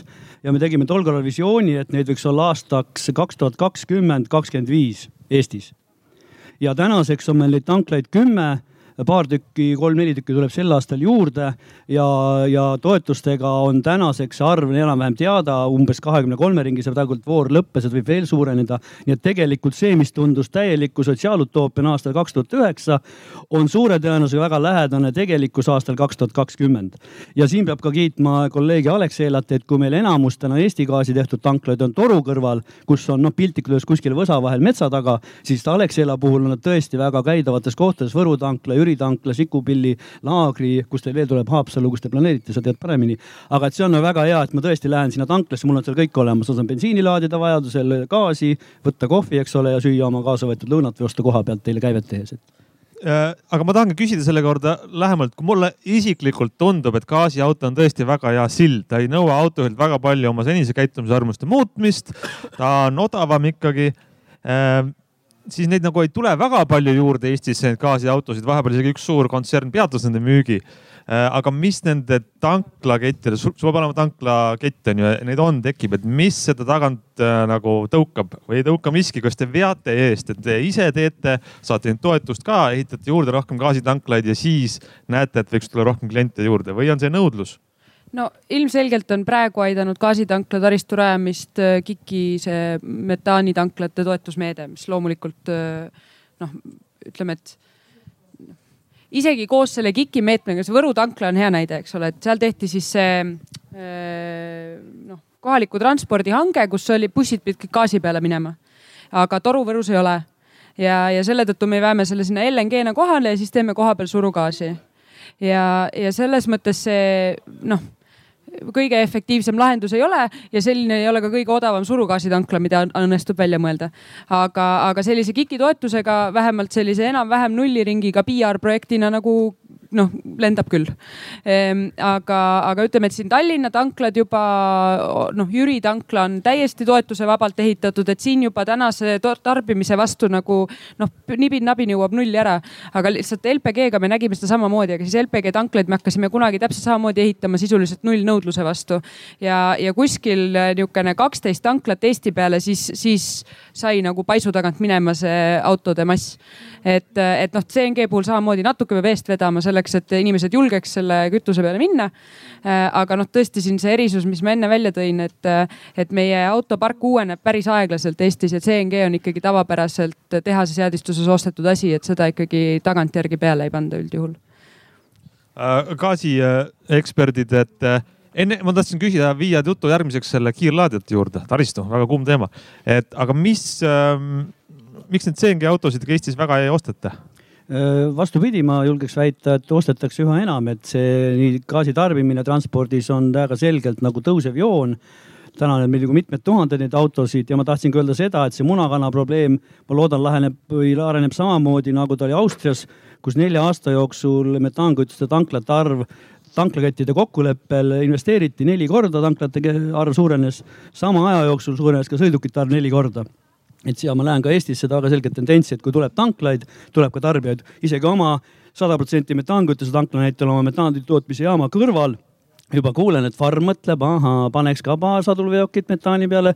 külamehed mõtlevad, ahaa, kolm eurot sada kilomeetrit, äkki peaks gaasiauto ostma. operaatorid valisid juba gaasiauto välja põhimõtteliselt endale ostmiseks. väga hea, meil on üks gaasiteemaline jätk siin, kohe palun. Andreas Tartust, aasta autost, tegeleme Škoda müügiga. Natukene võib-olla võiks seda taristu juttu rääkida, et meil on, me oleme päris palju müünud siukseid Škoda CNG tooteid ja meie klientide põhimureks ongi olnud eh, ikkagi põhiliselt see taristu puudumine. et see lühike ots, saad teha mõned sõidud. aga ütleme äriklientidele on pigem olnud see probleem, et see taristu on, kelle müügipersonal sõidab ringi mööda Eestit, et siis kui ma arvan, see saab parema tulemuse, siis kindlasti see sild on parem nii-öelda kui ma nüüd, kui mu mälu ei peta, siis kuskil samamoodi nagu see. nelisada umbes. jah, nelisada, nelisada nelikümmend sinna vahemikku. aitäh. väga hea äh,. Lähme gaasi juurest jälle edasi elektri juurde ja ma, tuli meelde ju see fakt, et Eesti on maailmas täiesti erakordne riik, et äh, ta ju kõige esimesena maailmas kaeti täiesti elektriautode kiirlaadijatega. me tegime rekordi ära, oleme sellel planeedil nagu unikaalne koht elektriautoga sõitmiseks et äh, kiidame ennast sisimas või, või avalikult plaksutame, hurraa, Eesti on elektriautode paradiis, onju. no vot, oli, kostab juba eesreast äh,. Mm, aga rääkige teie, rääkige teie, miks äh, mis, mis nendega teha, mis te arvate? teeme igaks juhuks inimestele no. meenutame, miks need kiirlaadid enam ei sobi ja mis nendega edasi võiks teha? ma tahaks küsida kiusliku küsimuse, kui siin natuke metaanautosid kotiti, et jabur ja nii edasi, et siis emotsionaali mõttes, et mina küsiks, kui meil on nii hea tanklataristu, sada kuuskümmend viis mis meil kiirlaadijad on sealkandis, siis miks meil tegelikult elektriautod selle aja jooksul, kui see taristu on olnud, pole praktiliselt on tõusnud võib-olla mõned kümned aastas on juurde ostetud. väga hea küsimus. hakkame siit minema hakkame sealt minema jah äh, ma arvan, et äh, eestlased äh, hellitati ära äh, kaks tuhat kaksteist kuni kaks tuhat neliteist oli elektriauto toetus oli kaheksa, kuni kaheksateist tuhat eurot. ja, ja, ja pärast seda noh, jah, kui sul on võimalus, on ju noh, kaheksateist tuhat tasuta nii-öelda saada toetust, siis noh iga, iga nupumees kasutas ära selle. pärast seda äh, esindused lasid oma hinnad äh, selliseks, nagu nad tegelikult tol hetkel äh, olid. ja, ja seega jah, kukkusid, äh, kukkus autode müük nulli äh, eelmised kaks aastat olid minu arust kuskil viiekümne uue elektrika juures olid uute, uute elektrit, e-, esmaregistreerimine tegelikult ehk siis see arv oli jah, sisuliselt null. Äh, see aasta on juba juulikuu seisuga minu teada on peaaegu sada autot või kaheksakümmend viis või midagi sellist on, on müüdud ja äh, ja see on osaliselt sellepärast, et uued mudelid hakkavad tulema lihtsalt kui meil oli see toetuste voor, siis noh, nagu Ants ütles, me olimegi noh, tegelikult me olime nagu maailmameistrid. me tegime, me tegime väga kiiresti või väga vara tegime väga kõva asja ära ja siis uh, autotootjad võib-olla ei olnud veel järgi jõudnud oma mudelivalikuga ja, ja akude see, kuidas öelda, sõiduulatus ei vastanud siis keskmise inimese inimese omale, et nüüd tuleb noh, järjest tuleb siin noh nagu siin on näha, on ju uusi, uusi mudeleid. Äh, varsti tulevad äh, Hyundai, äh, tulevad Kiad, tulevad täiesti juba, no nad on küll nõks ikkagi veel kallimad, aga, aga täiesti selles suhtes, et akud on juba üle kuuekümne kilovatt-tunni. ja, ja millega saab ka jällegi noh, ma ei tea, kolmsada, nelisada kilomeetrit kindlasti ära sõita et äh, ma arvan, et jah, vahepeal oligi see, me oli, Eesti oli lihtsalt äh, liiga ees ja nüüd me hakkame jõudma jällegi sellisesse olukorda, kus äh, kust ülejäänud maailm jõuab meile järgi. aga noh, laadimistaristu osas jah, nüüd kuna meil on viis, viis ja võib-olla viis pool aastat vana laadimisvõrk, siis äh, siis jah, me peame selle Euroopa autotootjate laadimisstandardi äh, ka kuidagi äh, oma võrku integreerima, kas siis läbi uute laadijate ostu või siis uue operaatori läbi ma segan sind vahele korra, vaatan, seal on Tesla, siin on Nissan, BMW, Audi sõidab gaasiga, okei okay.. Äh, ja Volkswagen Golf, neist saab kiirlaadijad Eestis ainult seda Nissanit, on ju? või ma eksin? Teslat saab ka, Teslal on äh, spetsiaalne adapter, mis siis pannakse sinna Shademo otsa ja, ja sellel ei ole ka probleemi, aga, aga jah, ütleme nii, et ülejäänud autosid, no sarnaselt nagu CNK taristule, et see CCS ehk siis see kombo ots äh,, seda Eestis on praegu kahes kohas, sügisel tuleb nüüd äh, meie paneme siis äh, viis kiirlaadijat Tartusse üles, kus, kus on juba mõlemad otsad olemas, nii Jaapani kui Euroopa ja muu maailma autosid saab kiirelt laadida.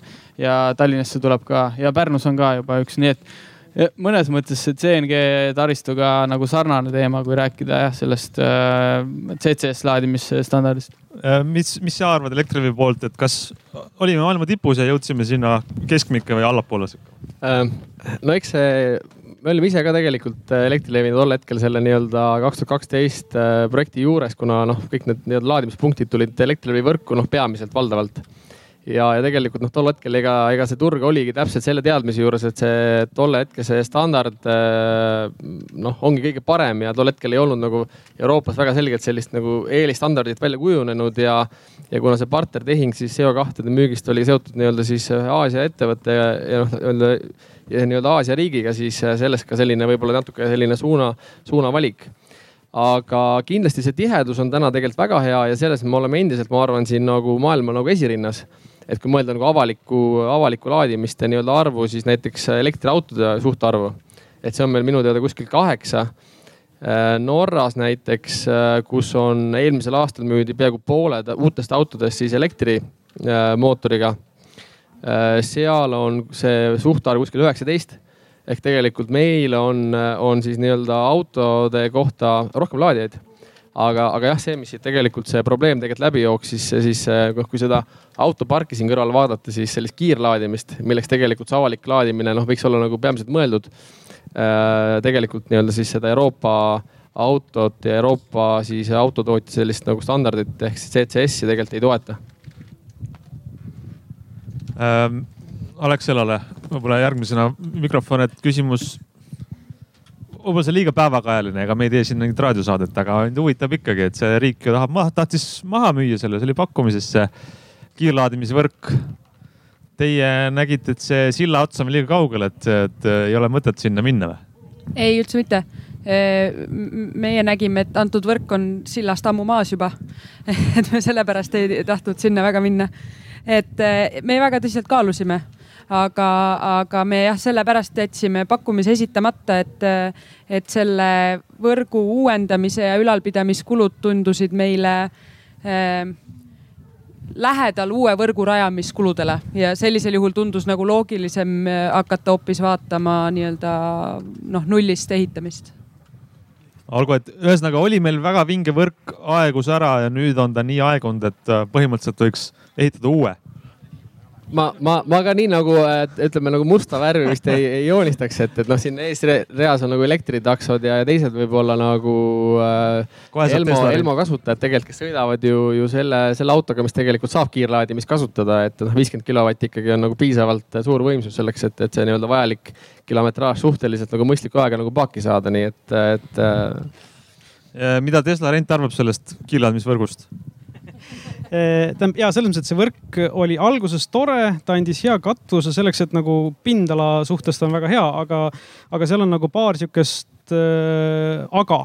esiteks on see, et äh, meil ei ole ühtegi kiirlaadijat, mis oleks viiskümmend kilovatti. At best on nad nelikümmend viis kilovatti ja kaheksakümmend protsenti on tegelikult kolmkümmend kaks, kolmkümmend kolm kilovatti. ehk siis tegelikult enamus liitumisi on, on tehtud madalamalt kui see jaama võimsus. teiseks on see, et nad on paigutatud selle ühtlase reegliga, et nende vahe peaks olema mitte rohkem kui nelikümmend kilomeetrit ehk sihuke ühtlane jaotus üle Eesti. mis tähendab, et äh, on umbes viisteist, kakskümmend laadijat, mis on sihukeses üliaktiivses tarbimises ja siis umbes sada laadijat, mis näevad mõni laadimist aastas et, et see on nagu tegelikult selle võrgu suurim probleem, et, et ta on ja ta on ehitatud sel ajal, kui keskmine sõiduauto sõiduulatus oli seal kaheksakümmend kuni sada kilomeetrit arvestatud ja talvel, talvisel perioodil veel vähem. et nüüd uue generatsiooni autode puhul tegelikult, mida oleks oluliselt rohkem vaja, on see, et trassidel ja linnades on laadijaid korraga rohkem, sest üpris tavapärane on sul lihtsalt see, et kui sul on selline auto, millega sa pead tihti laadima, siis sa lihtsalt pead ootama järjekorras, mis ei ole väga nagu normaalne et äh, aga mis ma tahtsin kommenteerida ka selle koha pealt, et äh, noh, esiteks on see autode müük on olnud sama muna-kana teema, et meil on küll hea võrgustik, mistõttu keegi nagu pole tahtnud uusi laadijaid paigaldada. pluss see praegune KredExi poolt tehtud hinnastuspakett on selline, et keegi erasektorist ei hakka ise laadijat panema, sest see on miinusega müük, mida seal praegu tehakse sellele elektri hinnale. ehk siis noh, avalik konkurents puudus äh, tänu sellele ja nüüd äh, kuna seda kombolaadijat tänu sellele juurde ei tulnud, sest uusi laadijaid keegi panna ei tahtnud siis äh, kogu Euroopa autode, mis oleks saanud müüa, inimene ei hakka ostma endale autot. noh, kasvõi võtta seesama iPace, mis siin on, muidu jumala normaalne auto, aga laadida sa seda ei saa. Äh, sest ka kodus laadimine on antud autol tehtud hästi aeglaseks. aga muidu nagu kiirlaadija mõttes ta on kombo, sa saaksid väga normaalselt laadida teda aga sul on täpselt kaks laadijat, üks on Pärnu Virta, kus kahekümne minuti pärast tõmmatakse vool alla ja teine on ABB kontori ees olev demolaadija. et noh, see ei ole nagu normaalne infra. et äh, aga minu küsimus on, miks te ei teinud pakkumist kasvõi sellele, et saada liitumispunktid? see oli juba ainuüksi mit, mitme miljoni väärtuses. kellele see küsimus oli? see oli Alexela. mulle, ma eeldan ehm,. ühtepidi jah ehm, teistpidi tegelikult oli meie jaoks seal veel see probleem, et siin üks O-tähega konkurent on, kelle tanklates on väga arvestatav hulk neid laadijaid ja äh, ei ole äh, üle kümne, isegi äkki enam-vähem vist võrdselt äh, ei ole, seal on rohkem, neil on rohkem, aga, aga lihtsalt probleem oli selles, et seal on äh, need lepingud, mis on sõlmitud, see läheb nüüd ülidetailseks, need lepingud, mis on sõlmitud nende äh, selle pinna kasutamiseks, kus need laadijad asuvad, on, on mõnekuulise etteteatamisega võimalik üles öelda, et seal juhtub natuke see, et siis võib-olla sul on liitumispunkt, aga sul ei ole seal seda tükki maad enam see, seal kollases tanklas, kuhu seda laadijat püsti hoida, et, et see, see tekitas meie jaoks ka natukene küsitavusi, et, et sellisel neutraalsemal osapoolel on lihtsam kõikide nende osapooltega lihtsalt läbi rääkida ja, ja sõbraks saada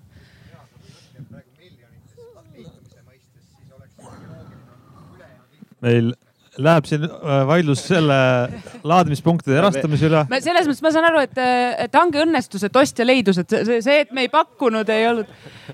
no ühesõnaga pakkujaid leidus vähemalt, et, et see, et me pakkuma ei läinud, ei, ei, ei ole nüüd nagu jah, kõige suurem traagika. olgu, aga meil on tegelikult seitsekümmend viis minutit lennanud siin.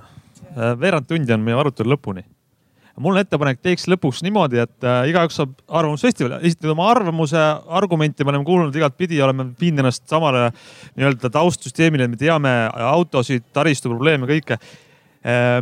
et võtame selle arutelu pealkirja ja räägime sellest igaüks, et mis te arvate, et see oli vist millal jah? millal, mis selle tagasi hoiab, mis selle tagant tõukab, millal meil on äh,, ma täpsustan igaks, mis see, mis see pealkiri, arutelu pealkiri oli täpselt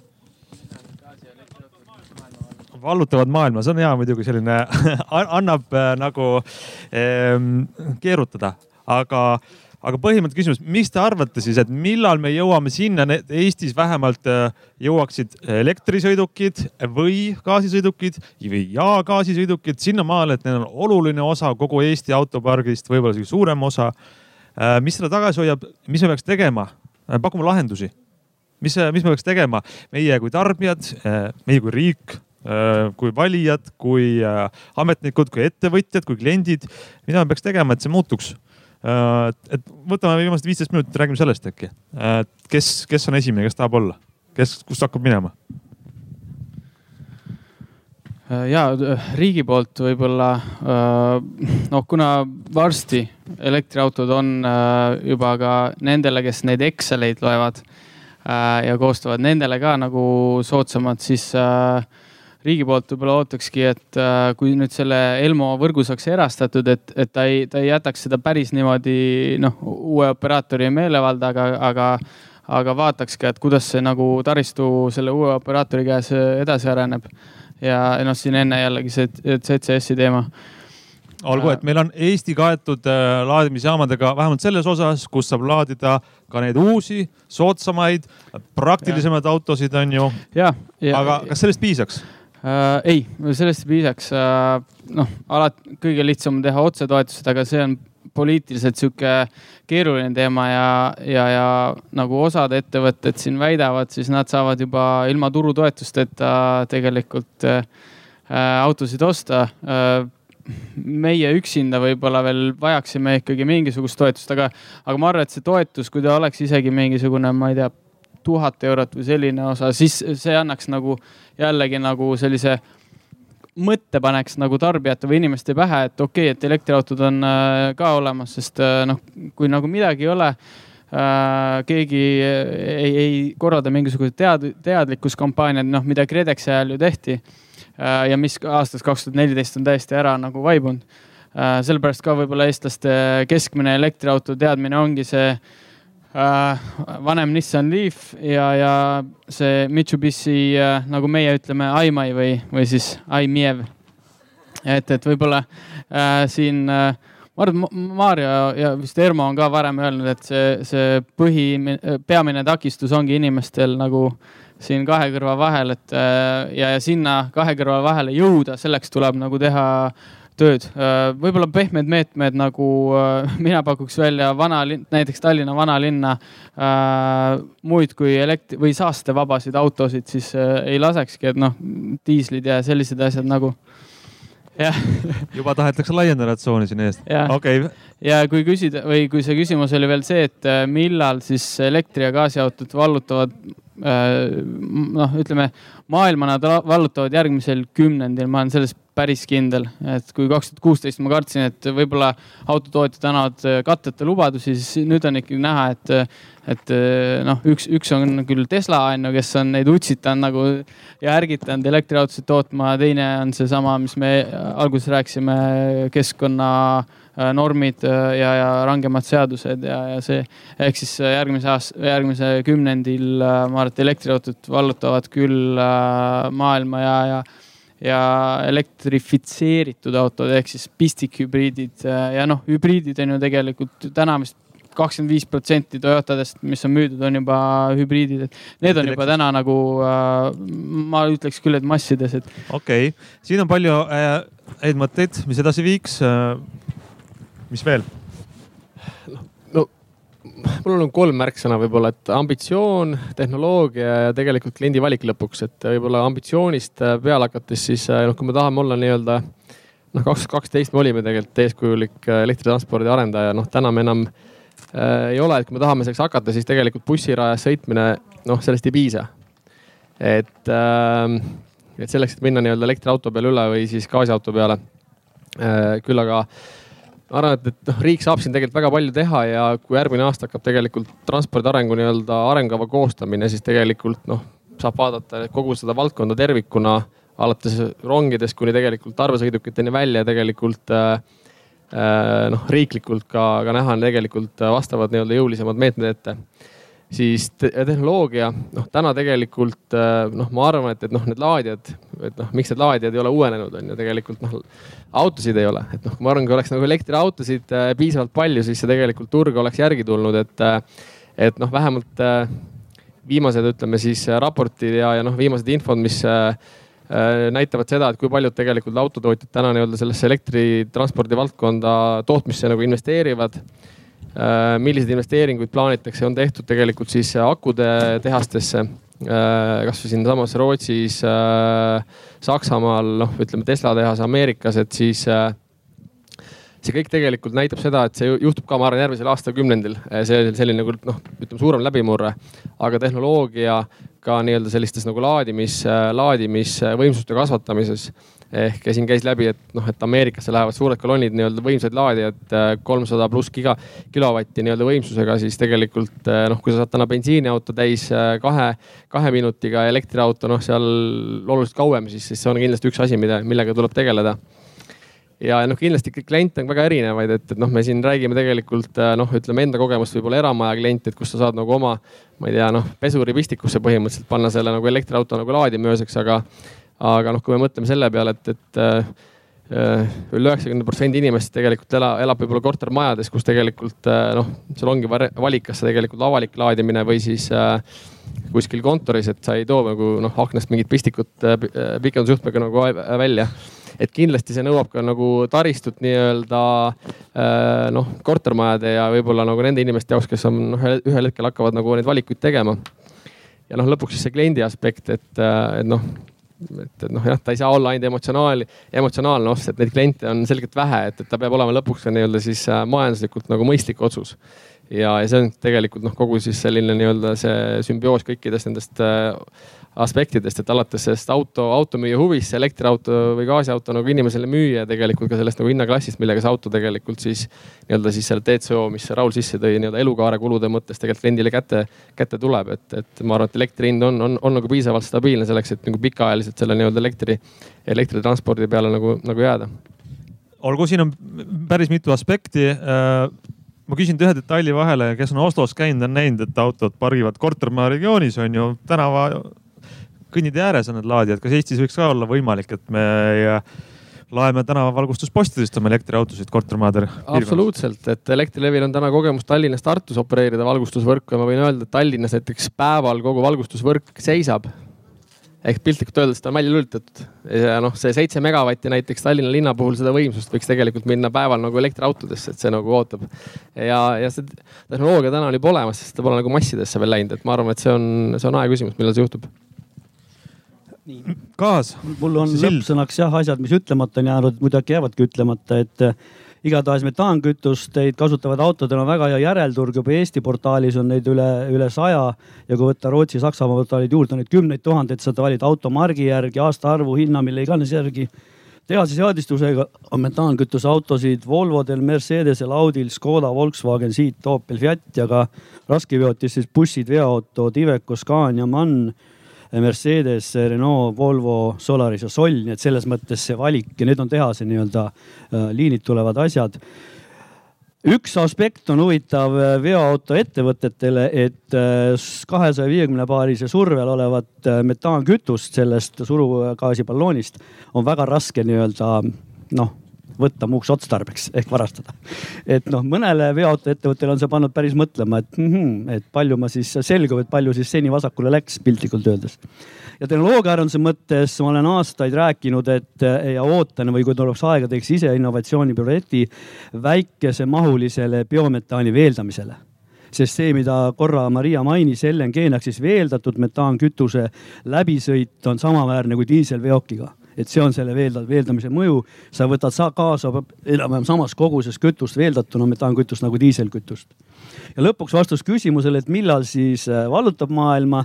mul on siin lühike vastus on see, et, et mida selleks tegema peab, esiteks peaks hoolima keskkonnast ja endast ja oma tervisest ja väärtustama seda oma tervist ja keskkonda. ja kui vallutust defineerida, et mis see vallutus siis tähendab kas, kas kümme protsenti või viiskümmend või sada, et siis kui öelda, et enamus autosid oleks nii-öelda mittefossiilsed, elekterauto, vesinik, mis iganes, siis mina ennustan, et selleks maailmas kulub üks-kaks põlvkonda, ütleme autovahetuspõlvkonda. noh, kes siis selleks peab, on see autovahetuspõlvkond kümme aastat või, või kolmkümmend aastat. et ma ennustan, et ta jääb ikka sinna järg või selle sajandi ütleme poole peale, kaks tuhat nelikümmend, kaks tuhat viiskümmend, kus tõesti fossiilkütused oleks nagu vähem transpordis kasutuses kui taastuvkütuseid. ja isiklikus maailmas minul on see vallutus juba käes. nagu ma alustasin ka väga hea. jah, ma arvan, et see vallutamine juba toimub isegi maailmas rohkem kui Eestis. et noh, mis puudutab eriti gaasi, siis Euroopas, Ameerikas on, on, on gaasi kasutus oluliselt rohkem levinud kui meil siin. noh, see, see saabki olla evolutsiooniline, et seesama LNG näide, et meie viime nüüd kevadest kõik oma kütuseveod LNG peale ja noh, oma kütuseveokid LNG peale Eh, tahtsime juba aasta tagasi viia, aga lihtsalt polnud sellist LNG veokit noh. ja nüüd kevadeks siis kann saab valmis et, et noh, ta selles mõttes natuke selle noh, niisugune selle taga on, aga, aga, aga nii kui võimalus on, nii, nii valikuid tehakse. ja noh, teine asi, mis on ikkagi äh, inimesed kipuvad olema alalhoidlikud ja sellised uued tehnoloogiad, uued asjad esialgu tunduvad nagu kahtlased, et seal peab olema mingi konks, ta ei saa ju päriselt nii odav olla ja, ja seda me kuuleme päris palju nii gaasikütuse puhul, ilmselt kuule, kuulaks, kuula, kuuldakse ka elektrikütuse puhul, et seal ikka mingi konks järelikult on. ja, ja ma arvan, et selles mõttes see, see aja andmine, et, et see hulk kliente, kes tulevad autot ostma turule, kus elekter ja gaas on juba täiesti tavaline valik ja mitte midagi uut, et, et mida rohkem seda generatsiooni peale kasvab, seda, seda vähem ostetakse traditsioonilisi kütuseid tarbivaid autosid, sest, sest jah, noh kulu mõttes tõesti see noh, see ei ole loogiline valik enam. et, et selles mõttes, et ma, ma arvan, et ta tuleb päris kiiresti, aga, aga ikkagi võib-olla sellepärast, et ma olen naisterahvas, mina arvan, et see emotsionaalsuse moment jääb ikkagi sinna sisse et, et ilmselt me nii-öelda fossiilsetest kütusest lõplikult ei vabane, sest ühel hetkel selline noh, ma ei tea, mõni diisliuunikum on nagu lihtsalt omab sellises ajaloolises mõttes mingisugust väärtust, et, et selle tõttu ilmselt jääb ka neid fanatte, kes, kes siiski sõidavad sellega edasi. see töötab täpselt samamoodi meesterahvastel, nii et see autol on emotsionaalne teema Äh, üheksakümmend minutit on läinud. Äh, väga palju teemasid oleks veel rääkida sellesama äh, juure autode, mõlemad gaasi- ja elektriauto juures. väga palju oleks rääkida sellest, et tõesti, kas auto muutub, kas meil on linnades kergetransport, mis iganes, aga jõuame veel. kindlasti see teema ei lähe kuhugi ära. ma tahan, et tehke üks kõva aplaus esiteks neile neljale inimesele. ja, ja siis teeme ühe aplausi teile